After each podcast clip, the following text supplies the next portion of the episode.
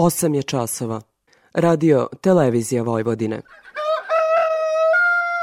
Dobro jutro, moj Bekrio. Avde si mi poranio. Dobro jutro, moj Bekrio. Avde si mi poranio. Ta kako ne bi poranio kad upravo počinje emisija Radio Novog Sada. Poljoprivredno dobro. Radio magazin za poljoprivredu i selo. Pred mikrofonom je Đorđe Simović.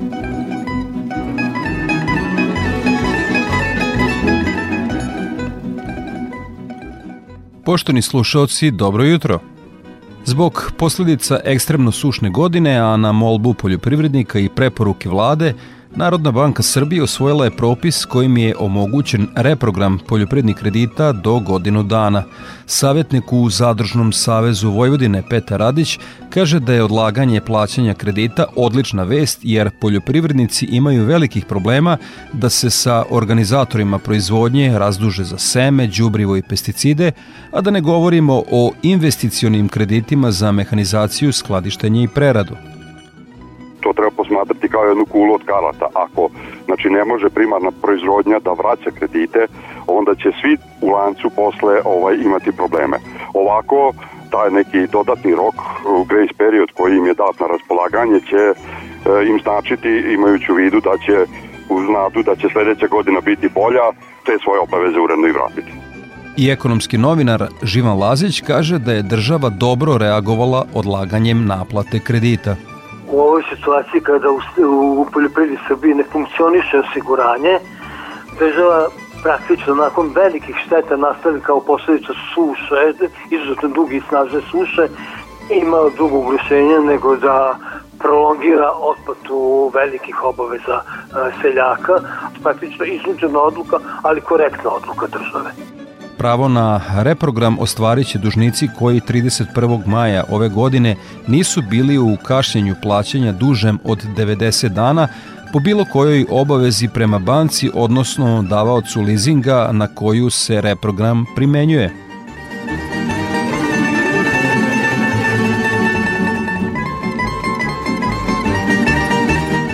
Na početku smo setve pšenice. U temi emisije govorimo o stanju na tržištu repromaterijala, pre svega semena i đubriva.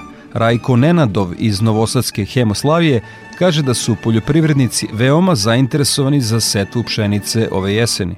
Glavni favoriti, da ne ih sad ne spominjem, su, da ne kažem, maltene već te sorte su prodate. Ječma skoro da uopšte više ni nemamo, znači interesovanje je vrlo dobro, Svedoci smo poskupljenja hrane iz meseca u mesec. Prema Republičkom zavodu za statistiku, namirnica koja je najviše poskupila u poslednjih godinu dana je krompir, za koji treba izdvojiti duplo više novca nego lane. Sa nekadašnjih stotinu hiljada hektara pod krompirom, sada ga sadimo samo na četvrtini tih površina. Pa kad se na sve to nadoveže ekstremno sušna godina, nije ni čudno što je preskup – Jedan od naših najboljih poznavalaca krompira, profesor na Poljoprednom fakultetu u Zemunu Zoran Bročić, kaže da ćemo, kao i u slučaju mleka, manjak nadomestiti uvozom, ali po većim cenama. Verovatno možemo očekivati veći uvoz krompira nego prošle godine i više cene. Trenutno te cene se kreću oko 100 dinara u supermarketima, na akcijama ima i po 80 dinara, na pijacama je cena oko 100, 120 dinara. Mislim da u narednih par meseci ne bi oče, trebalo očekivati povećanje cene krompira, mislim da će se ona smiriti kad se izjednači ponuda i tražnja.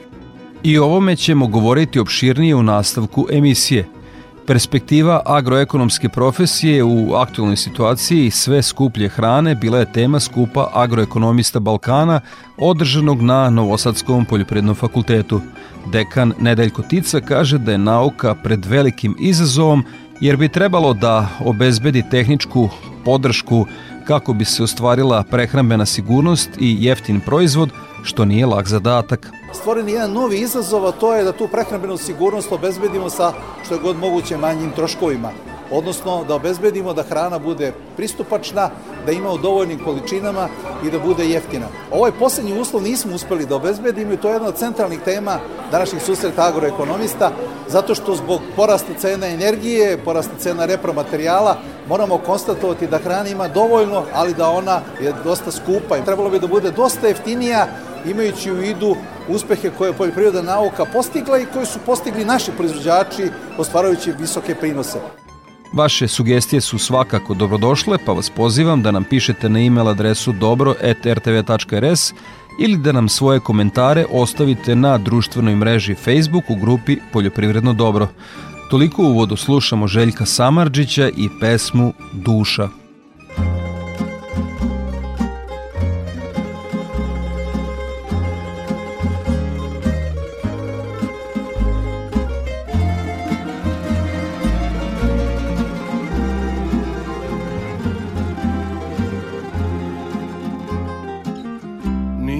Kriva ti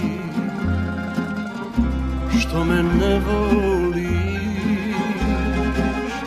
Nisu tvoje oči krive što me ne vide. Tebi sreća sva meni i tvoj bol Barem nešto da seća da sam bio tvoj. Barem nešto da me seća da sam bio tvoj. Duša mi je prazna, suza više nema. Ti si moja kazna, a ja tvoja senka verna. Ostalo mi srce. Tu kraj tvojih nogu. Ja od toga više umreti ne mogu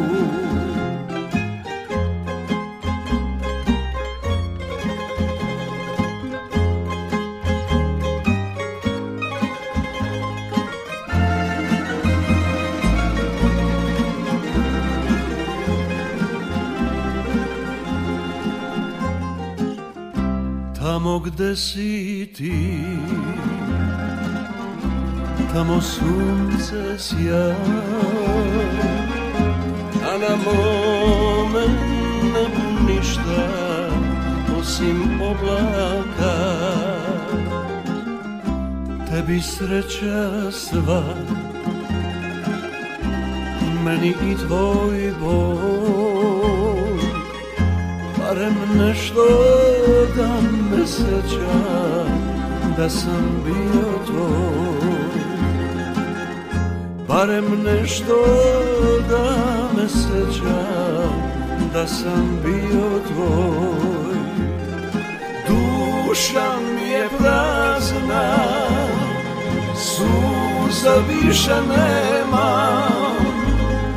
Ti si moja kazna ja tvoja senka verna Ostalo mi srce.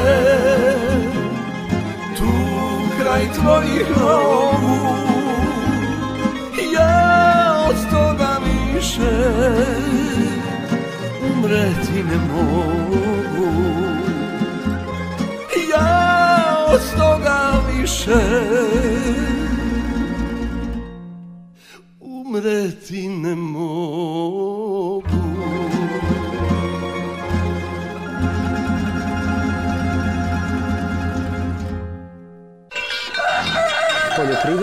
Poljoprivredno dobro. Radio Novi Sad.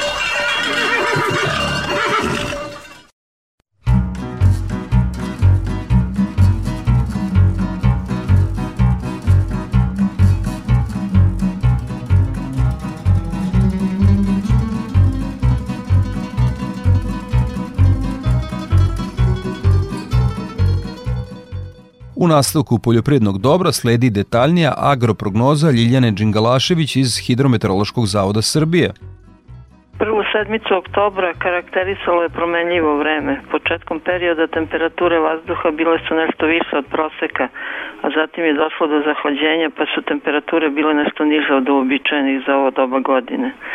Tokom protekle sedmice bilo je padavina, a najveće količine registrovane su u severnim, centralnim i istočnim delovima zemlje od 10 do 30 mm, dok je u ostalim područjima bilo oko 5 mm. Česte padavine su proteklih sedmica prekidale završetak radova na berbi pristiglih useva, kao i pripremu parcela za predstojeću jesenju setvu. Sa prvom sedmicom oktobra počeli su optimalni rokovi za set ozimog ječma i pšenice. Povoljni agrometeorološki uslovi koji se očekuju narednih dana omogućit će da se predviđeni radovi na otvorenom obavljaju bez zastoja.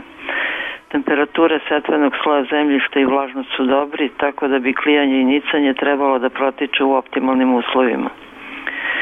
U jesenjem periodu problem predstavljaju glodari. Zbog toga je neophodno što češće obilaziti parcele, utvrditi prisustvo aktivnih rupa načinjenih od poljskih mišava, oluharica, hrčkova i izvršiti njihovo suzbijanje. Nakon berbe plodovi gotovo svih voćnih vrsta podložni su napadu biljnih bolesti, najčešće parazitskim gljivama. Veći broj vrsta gljiva prisutan je na plodovima jabuke u voćnjaku u trenutku berbe, odakle zajedno s plodovima dospevaju u skladište. Najznačajnije bolesti jabuke koje se razvijaju nakon berbe i tokom skladištenja su monilija i botritis. Prema prognozi, posle prolaznog neoblačenja ponegde sa slabom kišom uz manji pad temperature u nedelju, u ponedeljak se očekuje malo i umereno oblačno sa sunčanim intervalima i toplo vreme. Utorak i sredu se prognozira na oblačenje i manje zahlađenje mestimično sa kišom i pljuskovima. Od četvrtka do kraja sedmice došlo bi do stabilizacije vremena uz postepen porast temperature. Za Radio Novi Sad iz Republičkog hidrometeorološkog zavoda Ljiljana Đingalašević. Zaštita bilja O aktuelnoj zaštiti bilja, kupusa, karfiola i brokolija kao i uljane repice obavestit će nas Boško Jezerkić iz prognozno izveštane službe. Usevi kupusa za jesenju proizvodnju se nalaze u različitim fazama formiranja glavice. Glavice dostigle do 70% krajnje veličine. Vizualni pregledi museva uočene prisutu gusenica kupusovog mujca i kukuruzne sovice. Gusenice ovih štetočine se hrane listovima, a u kasnim fazama razvoja se obušuju u glavice. Napunute glavice su uprljane izmetom, gube tržišnu vrednost i nisu više za upotrebu. Prisutu navedenih štetočina uočene usima karfioli brokolija, te se preporučuje pregled navedenih useva i ukoliko se uoči njihovo prisustvo primjena nekog od registrovanih insekticida, obavezno pri tome vodeći računa o karenciji primjenjenih preparata. Usevi uljene repici s kasnijih rokova sete se nalaze u početnim fazama razvoja listova. Pregledom useva uočeno je pristup pag usenica repične lisne ose, odraslih jedinki buvača, kao i krilatnih formi lisnih vaši. U početnim fazama razvoja useva repična lisna osa može prouzrokovati velike štete, jer se paga usenice hrane lisnom masom i veoma su proždrljive. Najaktivnije su u najtoplijem delu dana. Mere zaštite se preporučuje kad se uoči jedna pag usenica po biljici ili 50 pag usenica po metru kvadratnom. Takođe, u početnim fazama razvoja useva štete mogu naneti i odrasi jedinke buvača koje se takođe hrane lisnom masom. Pored odlastih jedinki, štete pričinjavaju larve koje su ubušuju lisne drške unutar kojih se hrane i mogu usporiti razvoj biljaka. Mere zaštite se preporučuju ukoliko su uoči 5 do 10% pojedine lisne površine od buvača. Lisne vaši direktne štete prouzrokuju sisanje biljnih sokova, međutim, e, mnogo su značajnije štete koje mogu naneti kao prenosici fitopatogenih virusa. Prag štetnosti koje se preporučuju hemijske mere zaštite 20% napunutih biljaka listnim vašima u fazi uljene repice od kutiledona do šestog razvijenog lista. Proizvođačima se preporučuje stalni i redovan pregled useva iz kasnijih rokova sete na prisutu navedenih štetočina i ukoliko su uoči njihovo prisutu na nivou praga štetnosti, primjena nekog od registrovanih insekticida iz grupe piretroida. Više informacije o aktualnostima i zaštiti bilja možete pogledati na našem portalu na web stranici www.pisvojedina.com. Iz prognoz izveštene službe zaštite bilja Boško Jezerkić. Ovako da se saberem, u spavaćoj sobi u 5 sati budi me radio Novi Sad s lepom vojvođanskom muzikom, onda u kuhinji slušam obično kad e, ručamo ili ne, nekom drugom prilikom, u radionici ako nešto radim, tu je radio Novi Sad, a u štali tamo to je obavezno, tamo najviše slušam radio Novi Sad. Poljoprivredno dobro. Radio Novi Sad. Ja stanicu ne menjam. O prometu žitarica na produktnoj berzi više Anja Jakšić. Prve nedelje oktobra nastavljen je trend manje aktivnosti na berzanskom tržištu. Na tržištu pšenice beleži se uzlazni cenovni trend, dok je cena kukuruza zabeležila stabilnost. Zabeležena je slaba ponuda veštački suvo kukuruza sa analizom na aflatoksin. Ponude su tokom cele nedelje bile na višim cenama u odnosu na tražnju. Kupci su najviše interesovanje izrazili za kukuruzom sa vlagom do 14,5% i produženim lagerom. Ugovori za kukuruz kukuruz starog roda zaključeni su na istom cenovnom nivou kao i prethodne nedelje od 34 dinara 30 para po kilogramu bez PDV-a, dok se novi rod kukuruza trgovao od 34 dinara 30 para do 34 dinara 50 para po kilogramu bez PDV-a. Ukoliko uporedimo sa prethodnom godinom u ovom periodu, cena kukuruza je viša za oko 35%. Bolji vremenski uslovi dozvolit će intenzivniju žetvu, te se u narednom periodu očekuje veća ponuda kukuruza od 2022. godine. Pšenicom se najviše trgovalo u protekloj nedelji. Početkom nedelje veće interesovanje bilo je za pšenicom sa povišenim proteinom. Krajem nedelje beleži se veća tražnja u odnosu na ponudu i na višim cenovnim nivoima. U zavisnosti od parametara kvaliteta, ugovori za pšenicu zaključeni su od 38 dinara 30 para do 42 dinara po kilogramu bez PDV-a. Nedeljni ponder iznosi 39 dinara 3 pare po kilogramu, što je rast od 0,55%. Drugu nedelju za redom na tržištu soje smanjeno je interesovanje i na strani ponude i na strani tražnje. Ponude su od početka nedelje bile na višem cenovnom nivou u odnosu na cenovni nivo kupaca. Cenovne razlike dovele su do odsustva realizovanih ugovora. Kao i kod kukuruza vremenski uslovi uticaće na dalji nastavak žetve ove uljarice.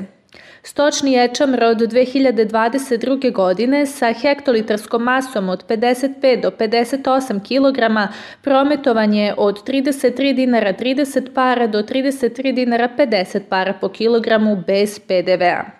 U pogledu đubriva MAP 1252 trgovao se po 136 dinara 11 para po kilogramu bez PDV-a. NPK 316 Franko isporučen kupcu prometovan je od 95 dinara 32 pare do 95 dinara 91 paru po kilogramu bez PDV-a. Sa produktne berze Anja Jakšić. Nakon izveštaja sa produktne berze, Gordana Jeličić iz Infotim Logistike obavestit će nas o trendovima na tržištu stoke. Sve cene su bez uračunatog poreza na dodatu vrednost. U toku ove nedelje naši saradnici su tovne svinje sa farme oglašavali po ceni od 240 do 260 dinara po kilogramu, tovljanike sa mini farme po ceni od 240 do 245 dinara po kilogramu, a tovljenike iz otkupa po ceni od 230 do 240 dinara po kilogramu. Tokom nedelje imali smo dogovore za tovne svinje sa farme na cenu od 240 dinara po kilogramu. Najava cene za iduću nedelju od strane klaničara je da će tovne svinje sa farme plaćati 230 do 235 dinara po kilogramu. Ponuda jagnjadi oglašena je po ceni od 290 do 320 dinara po kilogramu, a ovce za klanje su nuđene po ceni od 145 do 150 dinara po kilogramu. Slabije je interesovanje oko ove kategorije stoke, pa su i ponuđači prinuđeni da obaraju cenu u oglasima. U toku nedelje prasaca farme su se oglašavala po ceni od 350 do 380 dinara po kilogramu, prasaca mini farme po ceni od 320 do 330 dinara po kilogramu, a prasad iz otkupa po ceni od 300 do 310 dinara po kilogramu. U toku ove nedelje beležimo samo pokušaj ponuđača da podignu nivo cena u ponudi. Ponude bikova Holštajn oglašena je po ceni od 300 do 335 dinara po kilogramu, a bikova simentalaca po ceni od 350 do 360 dinara po kilogramu. Pregovori se završavaju na nižim nivoima od oglašenih cena. Cene su izražene bez PDV-a. Za Radio Novi Sad, Gordana Jeličić iz Infotim Logistike. Uživamo uz pesmu Polomio vetar grane u izvođenju Marinka Rokvića. Nakon toga u temi emisije govorimo o snabdevenosti tržišta repromaterijalom na početku setve pšenice. Polomio vetar drage rane još lane sreće nema, moja blane Potom u tebi strubodu, ej more Kome s zamadio moj izvore. Potom u tebi strubodu, ej more Kome s zamadio moj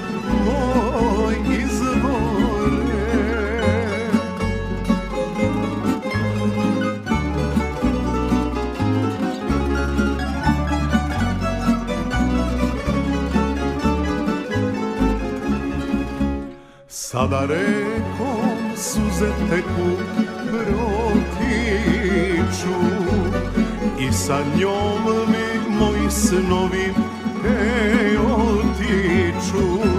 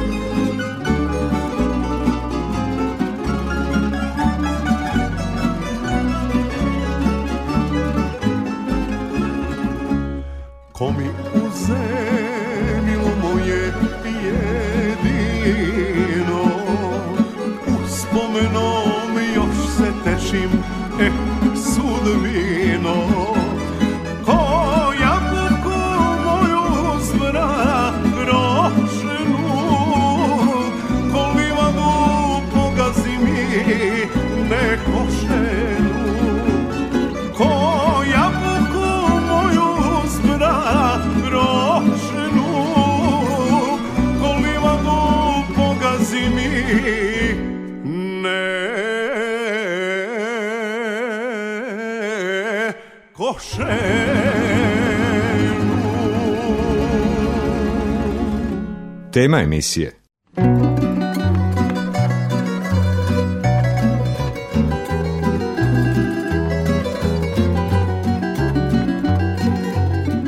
Temi emisije govorimo o stanju na tržištu repromaterijala, pre svega semena i đubriva, na početku setve hlebnog zrna. Prvi sagovornik je Rajko Nenadov iz Novosadske Hemoslavije. Hemoslavija je prometnik već više od tri decenije i prava ste referenca za ovu priču. E, Kako ste obskrbljeni semenom pšenice, kakav je asortiman i kakvo je naprosto interesovanje e, poljoprivrednika za setvu? Ima tu dve, dva elementa što bi rekli. Jedan je taj da zaista so- asortiman i ponuda je izuzetno široka i nikad veća. I naši dobavljači, ve, veliki broj stranih firmi koje na neki način prodaju ovde seme, pšenice i uopšte ostalih žitarica su zaista imaju jako široku ponudu. Mi naravno to radimo i nudimo. Domaćih skoro da i nemamo u ponudi, ali problem je sledeći. Glavni favoriti, da ne ih sad ne spominjem, su, da ne kažem, maltene već te sorte su prodate. Ječma skoro da uopšte više ni nemamo, znači interesovanje je vrlo dobro, bez obzira što puno semena ide iz tavana, kako to naši ljudi kažu, u sobstvenoj režiji, ali zaista ove, ljudi su shvatili verovatno da ove ozime kulture im nose manji rizik, to je prva stvar. Druga stvar, ipak je tu novac e, stiže najpre, znači već u julu mesecu na neki način će stići do naših proizvođača ratara, ali s druge strane ta setva je ipak skupa. Da li možete ovako okvirno da uporedite e, zainteresovanost za setvu ove godine i prošle godine? Da li je manje ili veća kada je reč o setvi pšenice? Pa naravno da je veće interesovanje i to značajno veće. Naravno mi, mi sad ne možemo, da ne kažem tačno da se izrazimo za, u procentima zato što ovaj trenutak ove godine nije, ne, nije adekvatan prošlogodišnjem jer mi praktično do pre dva dana ili pre jednog dana nismo imali ni jedan normalan dan, to su bile sve kišni dani, s druge strane ljudi se nama javljaju uglavnom neposredno pre nego što će da seju, tako da očigledno interesovanje je veće, broj poziva je veći, e, roba sasvim solidno ide, bez obzira što su cene veće. Koliko su cene veće u odnosu na lane? Kad je reč o se, semenu pšenice? Procentualno različito, ali od 10 do 25% od e, sorte do sorte. Znači nije, nije to uniformno i nije kod svakog proizvođača isto, ali znači cene su veće. Istina i znati sami, merkantila je veća, mada se i nama, naši dobavljači, znači oni koji proizvode semensku pšenicu žale, da su troškovi proizvodnje izuzetno porasli s obzirom na cene e, svih mogućih ostalih, da ne kažem, inputa u smislu ove, i đubriva i zakupa zemljišta i cene goriva, tako da očigledno nije jeftino proizvesti semensku robu, ali znači ljudi ipak pokazuju interesovanje za to. Da pređemo sad na đubrivo. Cene đubriva rastu iz godine u godinu. Možda bi za ovaj segment bilo dobro da prvo notiramo, vi ste vodili statistiku, kako se cena uvećavala u poslednje tri godine. Ajde da se o, samo kažemo na osnovne kategorije đubriva, na kan, an i ureu cene đubriva su krenule, svih đubriva, naročito ovih azotnih đubriva su krenule na prve, da ne kažem nagoveštaje gasne krize. Znači, dotle ta, su te cene bile koliko toliko normalne ili su vrlo malo poskupljivale u toku, da ne kažem, sezone u sezonu od 5 do 10%, međutim u zadnje dve godine to povećanje je praktično 300%, znači tri puta je poskupelo i to ne kod nas, nego to i u svetu. S druge strane, dobar deo fabrika u susedstvu ljubriva ni ne radi jer nemaju elemenata da proizvode, znači nemaju gasa i ostalih sirovina koje su potrebne za to. A, naravno, kod nas je to sve ide iz uvoza, mi skoro vrlo malo toga proizvodimo, nešto se prepakuje ovde kod nas i to je veliki problem. Jedina prava fabrika koja radi MPK đubrivo je eliksir, ali ona naravno ima sirovine koje uvozi iz sveta i naravno to se odražava i na te cene. Naprosto, da li na lageru imate đubrivo i kakva je zainteresovano s obzirom da su đubriva preskupa? Pa đubriva jesu preskupa, međutim ovaj, paleta koju nudimo je praktično vrlo slična kao i ranije, znači mi imamo dosta širok izbor đubriva, interesovanje je onako i, i, i, i ima, da ne kažem, onih koji su, ovaj, da ne kažem, nezadovoljni naravno cenama pa odustaju, ali dobar deo ljudi shvata da ne mogu očekivati pravi prinos bez đubriva i ljudi zaista ovaj, investiraju to sa nekom nadom da će izvući to i da će na neki način imati neku korist i neku, neki, ostvariti neki profit na kraju. Mada je zaista ovaj, vrlo, da ne kažem, se pokvarilo raspoloženje kod poljoprivrednih i ratara, em su ove cene merkantile uh, ovaj, da ne kažem, nisu skočile onako kao što su očekivali, em je rod užasno umanjen zahvaljujući ovim klimatskim uslovima, e sad naravno ove cene ljubriva, semena i svega ostalog su visoke, tako da raspoloženje nije baš neko. Kako vi kao čovek iz struke gledate na sledeću činjenicu? Mnogi poljoprivrednici se na u proleće zadužuju na zeleno za uh, repromaterijal za proizvodnju i sticam okolnosti zbog ove suše ove, nisu imali očekivane prinose, a s druge strane cena repromaterijala konstantno raste. Kako će se uopšte oni uspeti razdužiti sa firmama koje su im dali repromaterijal na početku sezone? Da budem iskren, Hemoslavija ne spada u firme koje e, rade na paritet i mi na neki način pokušavamo ljudima da sugerišemo da ni ne rade na paritet, zato što je to potpuno nesigurno i s druge strane pokazalo se da oni koji su radili e, na, u paritetu uglavnom ništa nisu, da ne kažem, jedva su preživljavali. Takvih je ovaj, nažalost puno koji se zadužuju ali sad je ovo godina u kojoj će se biti velikih problema i za te kooperacije, zadruge i ostale koji su neki način dali ogromna da kažem, sredstva su angažovali za džubrivo, za semena, za pesticide i ostalo. Kako će se to na kraju završiti, kako će oni naplatiti? Naravno, to će se sve prenositi dalje lančano. Tek za jedno dva meseca možemo da ne kažem podvući crtu, povidjeti šta se tu u stvari desilo. Naravno, kad su pitanju poljoprivrednici, Ovi mali, oni su najproblematičniji zato što oni uglavnom žive na iveći egzistenciji i to zaista što proizvedu, proizvedu da bi obezbedili svoje porodice neku vrstu da socijalne sigurnosti. Ovi veliki, to je posebna priča, ali kažem, mi smo uz ove male i srednje neki način pokušavamo da, da se tu ovaj, da ne kažem, nađemo i da objasnimo ljudima da je zaista jedino svojim sredstvima i, i da se mogu ostvariti neku, da ne kažem, perspektivu i sebi i svoje porodici. Kao i uvek iskreno za radio Novi Sad, Rajko Nenadov iz Novosadske Hemoslavije. Hvala vam što ste odvojili vreme za naš program. Hvala i vama i sve najbolje želim i vama i vašim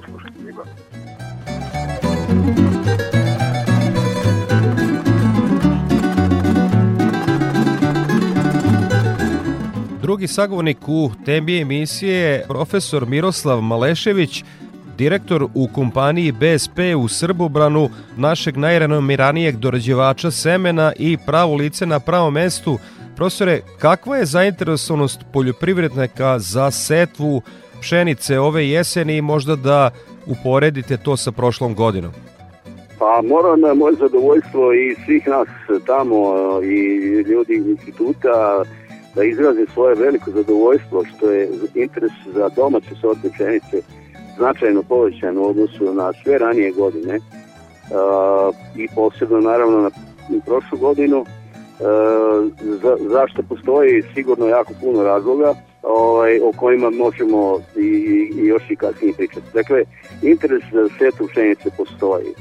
Ono što mene kao ovaj, da kažem izvršnog direktora tamo malo zadinjava jeste da je domaćih sorti proizvedeno svega negde oko 27-8 hiljada tona. E, kod nas e, u institutu i u kompaniji e, u firmi Hrastovača u Požarecu, dakle nema više od tih 28 hiljada tona, tu su i neke količine koje će ići u izvoz i tako da će za domaće proizvođače ipak ostati relativno malo semena, ali e,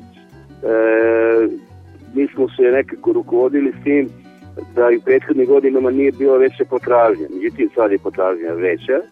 Drugo, e, kompanija PSP je promenila e, poslovnu politiku i pakuje negde dve trećine svojih, e, svoje proizvodnje, pakuje u vreće u 25 kg, koje su mnogo pristupačnije poljoprivrednim proizvođačima, znači krajnjim korisnicima i to je možda doprinjeno da se poveća interes za setu domaćih sorti.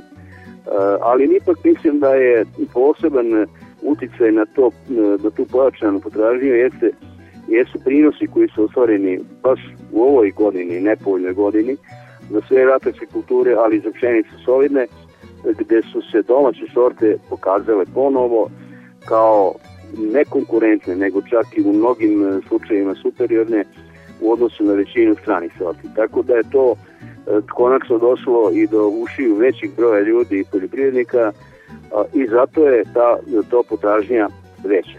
Malo je vremenske prilike koje su sada iza nas, e, ometala je to blagovremeno snadevanje tržišta e, i postojala je, postojala je određeni strah e, da li će setva morati da se odgađa i da se pomera mnogo u oktobar, ali evo pokazalo se da to ovaj, da izgleda to neće biti i ja se nadam da danas već na nekim njivama počinje, a od sutra svakako i na drugim, na većim, na većim broju njima počinje setva. Znači sa nastupom tog optimalnog roka setve, evo započinje i, i setvena sezona, tako da se nadam da ćemo do kraja oktobra ostvariti taj neki željeni plan setve. Za koliko površina je dovoljno ovih 27.000 tona semena pšenice? Gledajte, ove godine je seme je nešto sitnije, ove godine ono što je proizvedeno ove godine, e, tako da moram posebno da upozorim poljoprivrednike da kad e, nabavljaju seme kod svojih dobavljača, znači zadruga, apoteka, već šta, e, da na koji način ide, da obrate pažnju na, na deklaraciju, da traže deklaraciju. U deklaraciji stoji sve informacije o semenu. Klijavost i energija klijanja je odlična, međutim, e, zrno, zrno je sitnije u odnosu na prethodnu godinu. I to je, to je zapravo uticalo na smanjenje prinosa, smanjenje očekivanog prinosa. E, tako da to e, u semenu znači da će se zasijati a, isti broj klijavih zrna, kako mi to i preporučujemo, ali sa manjom normom setve. Znači, manja će biti količina semena po hektaru. I tako da tu sada moram sad iskoristiti tu priliku.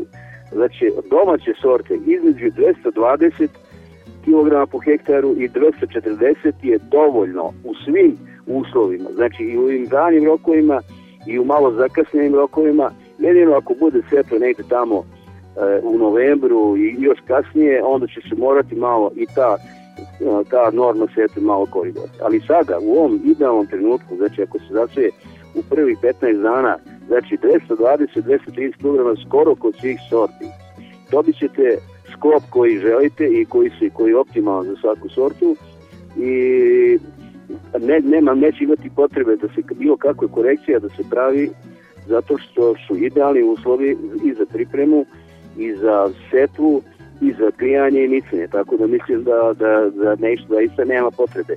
Jedino oni proizvođači koji nemaju, imaju loše sejalice, pa ostaje seme na površinu, tu će onda morati da nadoknade to što, što ostaje na površini, jer to to je ovaj, uvijek je rizično, mislim, to što što ostane, da će ga štetočine ili ne, nešto će ga ovaj, uništiti to sve. E, tako da mislim da su s te strane proizvođači mogu biti sigurno zadovoljni. U prometu se nalazi, samo da kažem, i nekih možda 20% semena koje je zaostalo iz prethodne godine, koje je predeklarisano, prekontrolisano, ono je krupnije, dobrog i kvaliteta, apsolutno sve a, i pouzdano tako da ne treba da niko da, nikoga da brine ako tamo negde pročita da je seme proizvedeno 2021. godine, to je sve, to je sve odlično a, i vidjet će se to naravno ovaj, i kad se vreće otvori. Tako da je, ja zadovoljno što tiče toga samo kvaliteta pšenice, mislim zašto nema više, pa i kod nas u semenskoj proizvodnji je podbacila je malo proizvodnje, znači nismo mogli da ostvarimo ovaj, ovaj prinos koji smo planirali, nego je on bio niži i zato imamo manje proizvedenog semena ove godine. Koliko se može zasijati? Znači, e, pa mi računamo da od svake tone semena se može zasijati 4 hektara. Znači, ako imamo 28.000 puta 4, to je otprilike količina e, površina koja se može zasijati. Znači, računamo negde 110, 115.000, 120.000 hektara sa sortama domaćih porekla. Ja moram, ako smete sve da kažem, da, da vam kažem da nema dovoljno semena deklarisanog uopšte u Srbiji i da će biti, da ga ima manje nego prethodne godine. Tako da, eto, preko vas isto i apelo proizvođačima da ako se opredeljuju za cenicu i za setu deklarisanog semena, da požure sa trebovanjem, odnosno sa nabavkom, e, bez obzira da li seju domaći ili stranu, da ne bi ostali bez tog semena, deklarisanog semena. Nažalost, e, mi tu kao kompanija ne možemo da utičemo na, na ovaj, setene površine, e, jer jednostavno nadležni organi ne, ne, ne, ne pomažu dovoljno semenarima i ne interesuju se dovoljno za snadevenost tržišta semenom i što je svakako za kritiku, tako da sad tu je šta je i ove će godine biti veće površine zasijane nedeklaracijne sjane. Za Radio Novi Sad je govorio uh, profesor dr. Miroslav Malešević, direktor kompanije BSP u Srbobranu. Hvala vam puno na odvojenom vremenu za naš program. Hvala vama na pozivu. Toliko u temi emisije slušamo dobro poznatu pesmu Ajde Jano, kolo da igramo. Ajde Jano, kolo da igramo Ajde Ano, ajmo dušo, kolo da igramo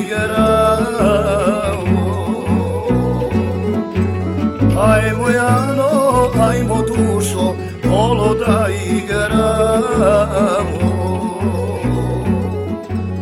Da igramo, samo da pevamo. Da igramo, Jano dušo, samo da pevamo. Da igramo jano dušo, samo da pevamo. Ajmo jano kuću da prodamo, Ajmo jano, ajmo dušo, kuću da prodamo. Ajmo jano, ajmo dušo, hoću da prodamo Da prodamo samo da igramo Da prodamo jano dušo samo da igramo. Da prodamo jano dušo samo da igramo. Ajmo jano konja da prodamo. Ajmo jano, ajmo dušo konja da prodamo Jano, ajmo dušo konja da prodamo. Da prodamo samo da igramo. Da prodamo jano dušo samo da igramo. Da prodamo jano dušo samo da igramo u tremu. Nemojte, nemojte, opušta. Poljoprivredno dobro opušta.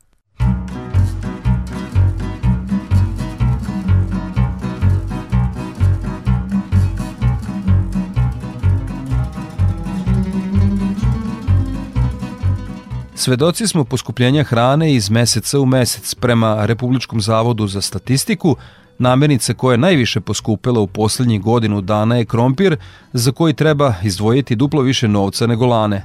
O uzrocima takvog trenda i šta možemo očekivati u narednim mesecima za Radio Novi Sad je govorio profesor na Poljoprivrednom fakultetu u Zemunu Zoran Broćić.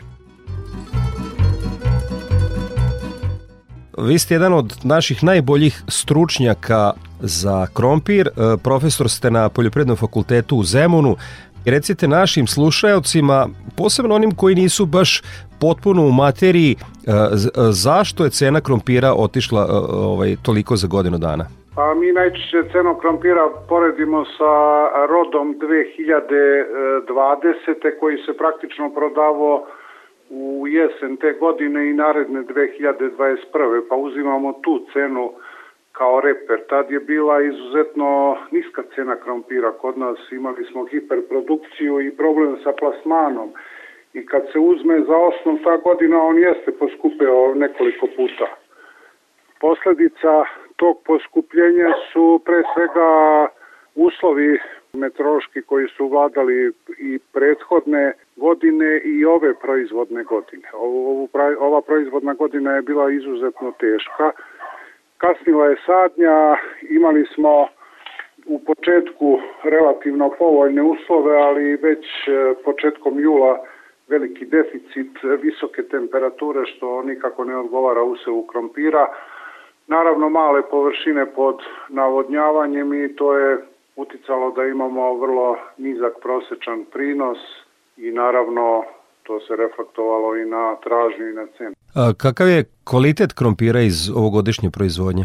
Pa, nažalost, kad je ovakva godina, kvalitet nije na zadovoljavajućem nivou. Krtole su sitne, deformisane, oštećene od štetočina, prouzrokovane visoke temperature prouzrokuju ovaj kvarenje i pojavu a, truleži taj će krompir biti teško skladistiti u toku ove sezone, tako da ne možemo se pohvaliti ni sa kvalitetom, nažalost. Dok sam se pripremao za ovaj razgovor, obišao sam portal Fresh Plaza gde je osvanuo izvešte globalni o proizvodnji krompira, pa sam pretrčao trenutnoj situaciji proizvodnje e, krompira u Nemačkoj, u Belgiji, u Irskoj, u Velikoj Britaniji, e, da ne pominjem ostale kontinente, nigde nije situacija dobra, e, uglavnom su i ispod prosečni prinosi i kvalitet. Šta onda možemo poručiti građanima? Šta ih čeka kada je krompir u pitanju? Jeli ako mi nemamo dovoljno za očekivati je da ga uvezemo, ali ako ga i nema dovoljno u okruženju, šta će se na kraju desiti? Pa vidite, u Evropi je vodeća četvorka u proizvodnji krompira Francuska, Belgija, Holandija i Nemačka. Naravno je tu, tu spada i Britanija. To su najveći proizvođači, najveći izvoznici krompira. Oni imaju uvek viška nego što su njihove potrebe i uglavnom zadovoljavaju ostale regione gde podbaci prinos. Naravno, ova godina je i kod njih sa nižim prinosima, ali to nije tako drastično kao kod nas. E, nivo nekog prinosa se kod njih očekuje da bude manji 15 do 20%, a imajući u vidu da oni imaju e, prosečne prinose preko 45 tona, to će ipak dati neku masu krompira koja će biti dovoljna ipak za Evropu. Nekada smo uh, pod krompirom imali 100.000 hektara, koliko je to danas? Pa to je danas uh, drastično smanjeno. Poslednjih godina statistika beleži neke površine o, ispod 30.000 hektara. Realno mislim da je to na nivou nekih 20.000 hektara u Srbiji. Zašto proizvođači odustaju od te od proizvodnje krompira? Mnogo je razloga za to. Zadnjih godina imali smo e, veliko povećanje cena inputa, pre svega od goriva, mineralnih đubriva, mehanizacije, e, zatim e, prestrukturiranje na ratarsku proizvodnju i na druge kulture jer su cenovno konkurentne, pre svega E, pšenica kukuruz. I sa druge strane e, u Brskoplaninskom području zapadne Srbije se drastično smanjila proizvodnja krompira zbog širenja maline s jedne strane i zbog odlaska pre svega radno sposobnog stanovništva. Nema selo se prazni i nema ko da se bavi tom proizvodnjom, odnosno smanjuju se domaćinstva koja se bave proizvodnjom pre dve godine e, razgovarali smo o, uopšte o centru za krompir u Guči i zanavljanju neke naše proizvodnje, naših sorti. Dokle se s time stiglo? Pa nije se mnogo, mi smo e, nažalost e, malo prekinuli taj posao, nismo imali razumevanje i pomoć države i nekih institucija gde smo konkurisali za sredstva. E, imali smo loše godine u proizvodnji, mi smo što se tiče struke pokazali da je taj krompir koji smo dobili u Guči izuzetno kvaliteta i da je u rangu sa uvoznim, e, obnovili smo taj sortiment, razradili tehnologiju, ali investitor e, je malo zastao sa investiranjem, prosto ove promene koje su se izdešavale sa inputima nije, nije moglo da se prati to i veliki pritisak e, semena iz uvoza.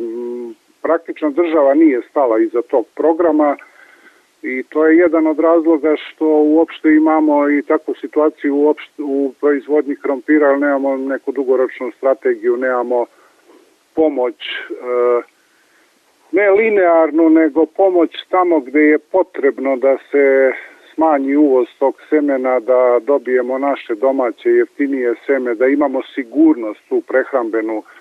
Ove godine će iz uvoza seme biti jako skupo, tako da sve će se to reflektovati na proizvodnju krompira u narednim godinama. Da li nešto urađeno na brendiranju u smislu i zaštite proizvođača i zaštite potrošača. Kada je reč o ivanjičkom krompiru, znamo šta se dešava na pijacama, malo malo pa natrčimo krompir iz Ivanjice, a definitivno ga nema toliko. Kako zaštititi da bi bili proizvođači zaštićeni, ali i potrošači? Tu je bila jedna dobra ideja i to udruženje je pokrenulo tu ideju, ali mislim da to u praksi nije zaživelo iz kojih razloga ne znam možda zato što su neki ljudi o, odustali od proizvodnje koji su bili e, i pokrenuli tu inicijativu i prosto nije bilo drugih da nastave to, nažalost. Mislim pre svega na Monu koja je e, u tom kraju bila nekoliko godina vodeći proizvođač krompira, ali prosto je našla interes u drugim sferama, turizmu, a ne u poljoprivredi i onda to govori da nekada nisu problem e, novci u proizvodnji, nego prosto je takva situacija da ta proizvodnja ne daje profit i onda ljudi izlaze iz proizvodnje. I evo sad za kraj razgovora, e, šta možemo poručiti običnim građanima, e, šta ih u narednom periodu pola godine očekuje kada je reč na našim, u, u našim trgovačkim lancima i pijacama, kada je reč o ceni i asortimanu krompira? Krompira će biti što domaće, što iz uvoza, po nešto višim cenama, kvalitet će biti nešto umanjen, mada ti lanci drže kvalitet, oni ne, ne kupuju robu koja nije e, odgovarajućeg standarda za njih. Verovatno možemo očekivati veći uvoz krompira nego prošle godine i više cene. Trenutno te cene se kreću oko 100 dinara u supermarketima, na akcijama ima i po 80 dinara, na pijacama je cena oko 100, 120 dinara. Mislim da u narednih par meseci ne bi oče, trebalo očekivati povećanje cene krompira, mislim da će se ona smiriti kad se izjednači ponuda i tražnja. I naravno imat ćemo krompira, ima gde da se kupi, trgovci uvek nađu gde ima robe povoljno. Za Radio Novi Sad je govorio profesor dr. Zoran Broćić sa Poljoprivrednog fakulteta u Zemunu, Poljoprivrednog fakulteta u Univerziteta u Beogradu, jedan od naših najboljih poznavalaca tehnologije proizvodnje krompira, da kako i stanje na tržištu i hvala vam puno što se uvek odazivate na pozive Radio Novog Sada. Hvala i vama i molim i sledeći put.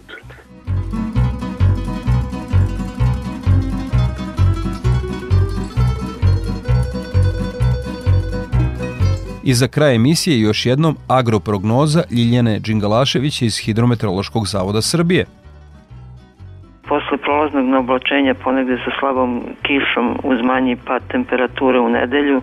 U ponedeljak se očekuje malo i umerena oblačno sa sunčanim intervalima i toplo vreme. U utorak i sredu se prognozira na oblačenje i manje zahlađenje mestimično sa kišom i pljuskovima. Od četvrtka do kraja sedmice došlo bi do stabilizacije vremena uz postepen porast temperature.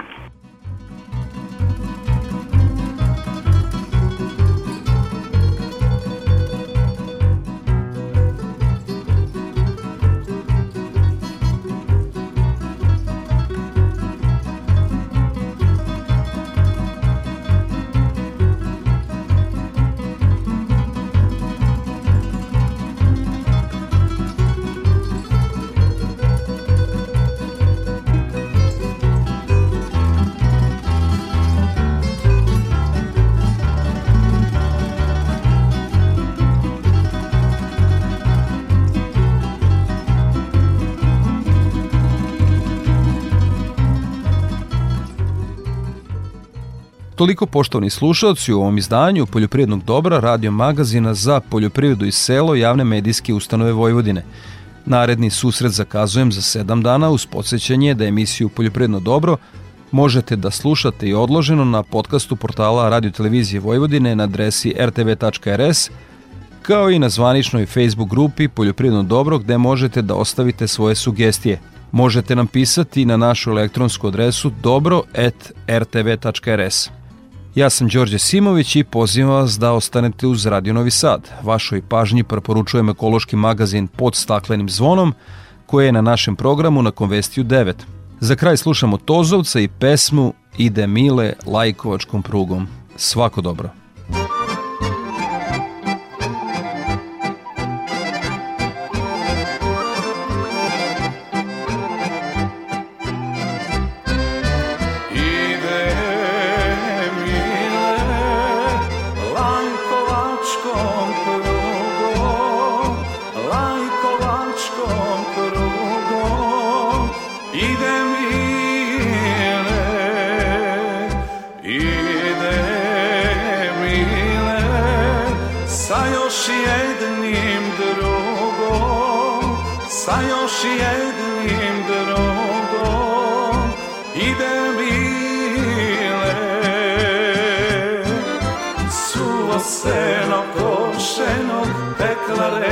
Kroz selo A po reci riba plovi Nema ko mi da lovi Suvo seno košeno, pekla reka kroz selo, a po reci riba plovi, nema koji da lovi.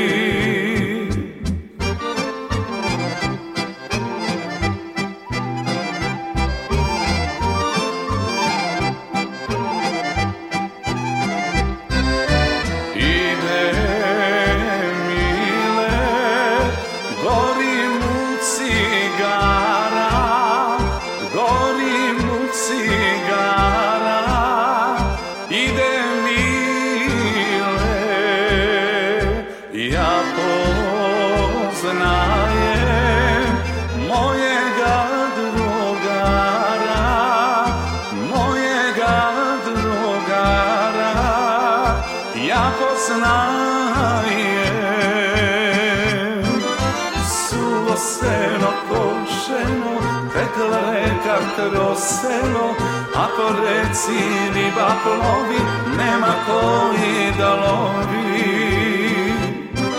Suvo seno košeno, tekla reka kroz selo, a po reci riba plovi, nema koji da lovi.